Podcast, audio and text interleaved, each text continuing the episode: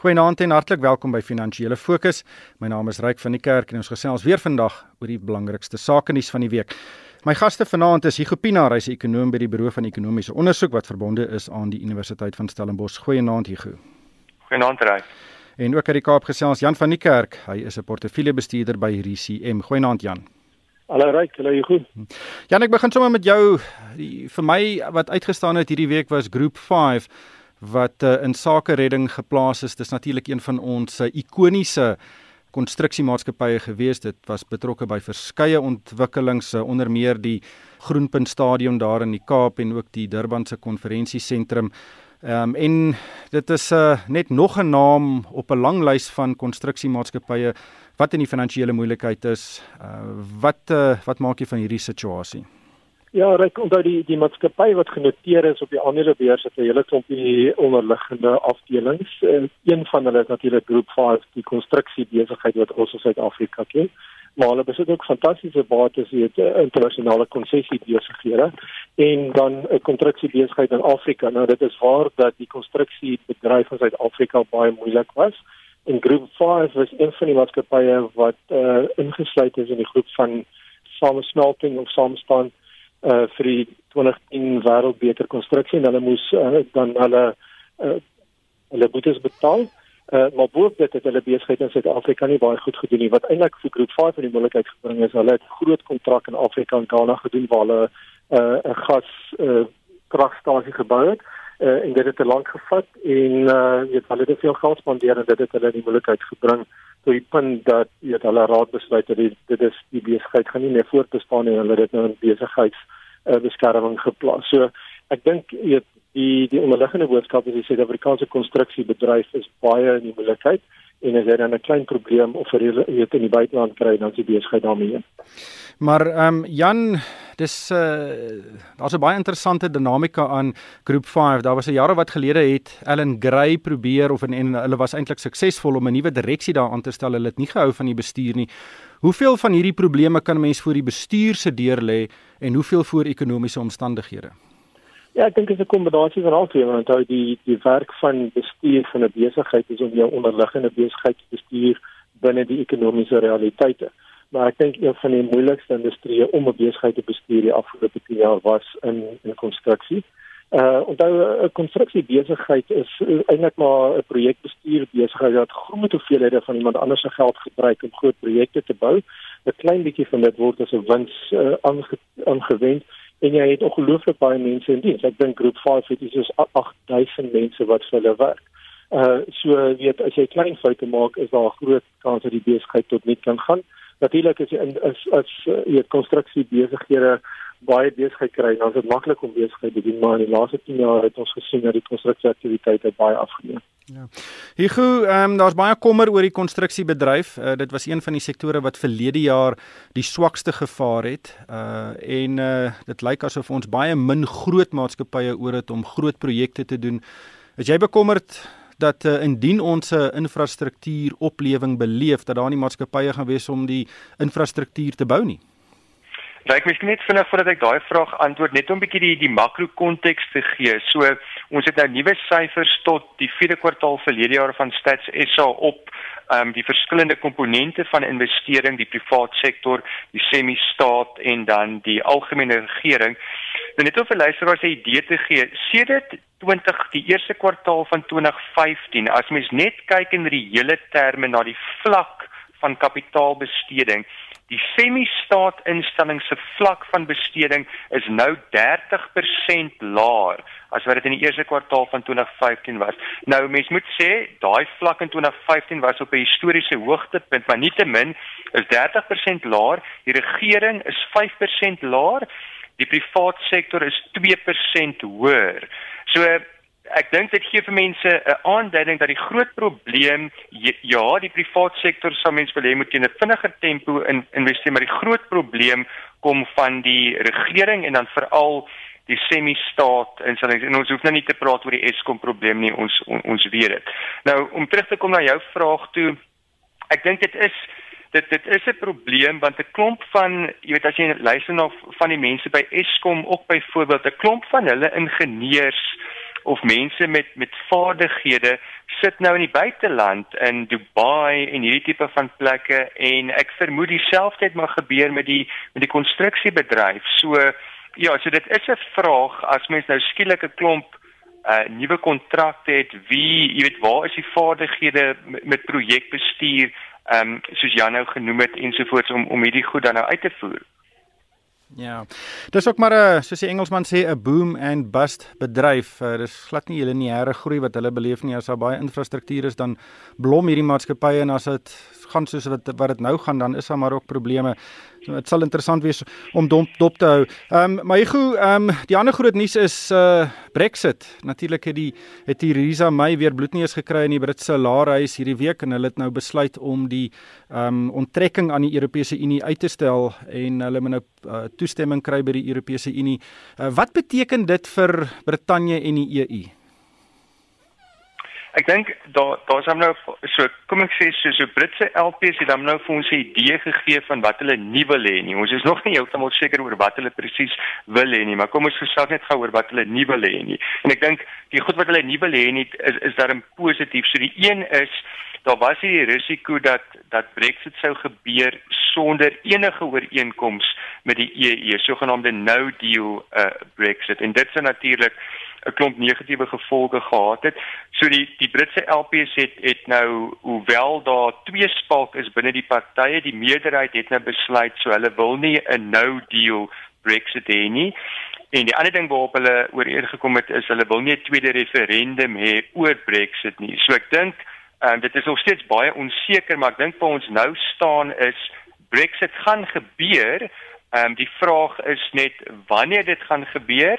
Ehm um, en dit dit gaan waarskynlik nou nie op die 29ste Maart wees nie, waarskynlik eers later. En dan is die tweede groot vraag, maar hoe gaan daai finale ooreenkoms, daai skeiingsooreenkoms, hoe hoe gaan hy lyk? Ehm um, dit lyk daar gaan soos ek sê daar gaan waarskynlik nou nie 'n nou deal wees nie, so daar gaan een of ander ooreenkoms op die tafel gesit word, maar hoe daai ooreenkoms gaan lyk, ehm um, is nog baie onseker op hierdie stadium. Jan, hulle het ek dink 3 jaar gewerk aan hierdie ooreenkoms. Dink jy 2 of 3 maande se uitstel gaan 'n verskil maak? Ja, ek dink nie so nie. Wat vir my interessant is is dat die die inwoners van die Britse eilande het gestem om Europa te verlaat en hulle leiers in die parlement is besig om daai mandaat te ver, vermors. Uh, en dit is baie duidelik dat die politieke elite in Engeland is besig om 'n ander pad te volg as wat hulle populasie wil hê. En dit is maar net nog 'n verdere uh, weet kwellingspunt vir meeste mense in die wêreld. Weet die gaping tussen die mense op die grond en die ouens wat die land regeer of die parlement raak al hoe groter So wat hier vir my sê is dat uh, die onsekerheid hou net bietjie aan, maar dit lyk asof die hysterie wat rondom Brexit op die oomblik weet in die in die koerante en in die media en baie keer in finansiële markte heers uh, lyk en ryk so bietjie soos die hier die Y2K storie waar mense glo die weet jou lig gaan gaan staan in die middernag. So ek dink dit is maar net onsekerheid wat aanhou um, en dit sê vir jou dat die hele eksperiment gaan nie kan aangaan nie. Ja, ek dink ook uh, daar was verskeie artikels hierdie week in uh, Britse koerante veral wat uh, bietjie begin sin speel dat die Europese Unie ook nie heeltemal wil saamspeel nie, goed dat hulle ook 'n bietjie minder uh wel hoe sal ek dit stel dat hulle uh, nie so genee is om toe te gee vir Britse ehm um, versoeke nie. Wat is die rol van die EU in hierdie hele storie? Maar kyk, kyk as mens se moed daarin dink, dit is nie die die Europese Unie het geen insentief om dit te maklik te maak vir Brittanje nie, want dan gee dit 'n insentief vir ander lande in Europa om dalk dieselfde roete ehm um, te volg. So so dit dit maak vir my heeltemal sin dat die dat die EU kom ons sê net maar 'n bietjie hardball speel met ehm um, uh, met die VK. So dit jy weet dit is nie dit is glad nie duidelik tot watter mate die EU verdere vergunning sal gee vir Brittanje oor hierdie ooreenkoms nie. So wat ek dink moontlik kan gebeur is Theresa May gaan waarskynlik volgende week weer haar bestaande ooreenkoms op die tafel sit. Dit sal waarskynlik weer afgestem word maar met 'n kleiner meerderheid en ek vermoed oor 'n maand of 'n maand en 'n half mag daar dalk klein mini verstellings wees en dan gaan sy eenvoudig weer haar oor die inkomste op die tafel sit en dit mag wees dat daar net eenvoudig mense is nou so moeg hiervan dat op die ou einde uiteindelik word daar maar gestem vir vir haar ooreenkoms wat nou jy weet klop mense is, is nie heeltemal gelukkig daarin maar jy weet die ding moet nou eendag van 'n tyd tot uh, tot 'n punt kom. Hmm. Ek dink daai plan gaan nog baie grimering kry oor die volgende paar weke en maande. Ehm um, maar Jan, maar jy sê maar weer eens right, die die die punt is dit mag so wees, maar maar tot watter mate gaan die EU instem daartoe en ek dink daar is bitter min ruimte wat die EU nog verder gaan gaan gee um, op op op op daai front. Ja. Interessante scenario wat hom daar uitspeel. Ehm um, Jan, nog 'n interessante storie was Boeing wat sy uh, 737 Max vliegtye uh wel die lugdienste wat dit onttrek het uit hulle vlote uit dis natuurlik na die twee ongelukke uh van daardie vliegtye en uh daar kom nou nuus deur dat daar was reeds voor die ongelukke klagtes van sekere vlieëniers oor die vliegtye en uh Comair natuurlik is een van die maatskappye wat hulle vliegtyg hulle het een van daai vliegtye uit sy vloot onttrek het. Wat maak jy van hierdie storie? Ja, onthou jy optel die miljoene manure wat daar in die wêreld gevlieg word elke jaar uh, en weet hoe min ongelukke daar eintlik gebeur, dan is dit ongelooflik, weet uh, lug lug uh, vervoer is nog steeds een van die veiligste maniere om mense om aarde te vervoer. So natuurlik wanneer jy weet ongeveer ongelukke in 'n kort periode het, gaan mense reageer daarop. Uh persoonlik dink ek is dit geen weet ooreageer op die oomblik. Uh, maar dit is veilig vir die maatskappye om dan seker te maak weet en omdat dit is meer vir hulle reputasie is iets anders. So ehm um, weet Boeing die maatskappy uh, dis miskien swak vir hulle want die weet hulle kans om meer vliegtye in die toekoms te verkoop spesifiek in daai lyn is nou natuurlik minder. Maar ek vertrou die weet die die vlugowerhede gaan weet die probleme uitsorteer en meeste lugrederye het genoeg ander vliegtye om dit te kan hanteer en meeste van hierdie besighede versekerings uh, hierteen. So weet ek dink dat die die regte ding gebeur wanneer die luglederye eers die, die vliegtuig op die grond het. Ja, dit is uh ek ek is kom eer wou aanvanklik nie sy vliegtuig onttrek nie en toe later het dit onder uh publieke druk gesoog of op sosiale media wat absoluut uh, mal gegaan het oor hierdie uh hele storie. Hugo, wat is jou gedagtes daaroor? Ja, ek het nie ek het nie eintlik veel om by te dra tot tot tot wat Jan gesê het nie. Ehm um, ek, ek ek ek het so my my knop ag my kop gesit en knik toe toe hy die punt gemaak het oor hoe dit is eintlik merkwaardig hoe min ongelukke mens kry gegee hoe baie vliegtye op op enige gegewe punt ehm um, in tyd in in in in die lug is. Ehm um, so ja, ek meen dit is dit is dit is natuurlik tragies, maar ek ek stem nogal saam. Dit dit is waarskynlik 'n bietjie van 'n van 'n oorreaksie. Ja. En as mens kyk na die situasie in Suid-Afrika, ek dink meer as 11000 mense sterf elke jaar op ons paaie en uh, dit haal baie min die voorblad van van enige media instellings se publikasies. Jan, kom ons gesels oor banke. Ons het nou gesien al die banke, die groot banke het resultate aangekondig. Uh meeste van hulle het maar uh, taamlike lae groei gewys, enkel syfer verdienste groei. Um en dit het ook nou deurgeskemer dat al die banke basies besig is om werknemers af te dank uh weens koste druk en ook natuurlik die toetrede van nuwe uh digitale banke in die mark. Uh, wat het jy van die banke se se resultate gedink? Ja, ek miskien is as mense dink oor die struktuur van 'n bank, onthou die die inkomste van 'n bank kom van die rente, hoofsaaklik maar rente wat hulle uh vra vir geld wat uitgeleen is. Uh, en in die huidige ekonomiese omstandighede weet ons meeste banke kry nie meer geld uitgeleen nie daar's nie genoeg vertroue in die ekonomie vir besighede of uh, huishoudings om geld te leen om aankope te doen nie en die ouens wat meer geld leen uiteindelik omdat hulle in die moeilikheid is. So dit beteken wat ons sien meeste van die banke wat ons noem hulle boek is maar weet net so groot soos laas jaar. Uh, en dit beteken dat hulle inkomste het nie toegeneem nie maar uh, die banke se onkoste om dit te bestuur deur middel van salarisse, tegnologie, uh, jou infrastruktuur gaan elke jaar op. So die banke se winsgewendheid is is onder druk. Uh, ek dink die nuwe weet tegnologiese banke is nog nie so 'n groot probleem vir die bestaande ouens nie. Ehm um, maar ek dink al die groot banke het reeds begin om tegnologie te gebruik om hulle eie dienste aan te bied. So ek dink hierdie tegnologie wat die groot banke gebruik is eintlik besig om hulle eie infrastruktuur te kanaliseer en dis hoekom hulle maar onkoste sal moet sny. Maar uh weet die, ons kan eers sien dat banke se winsgewendheid weer styg wanneer die ekonomie begin groei, meer geld geleen word en as die samelewing meer vertrou het, dit gaan 'n hele tydjie vat. Ja.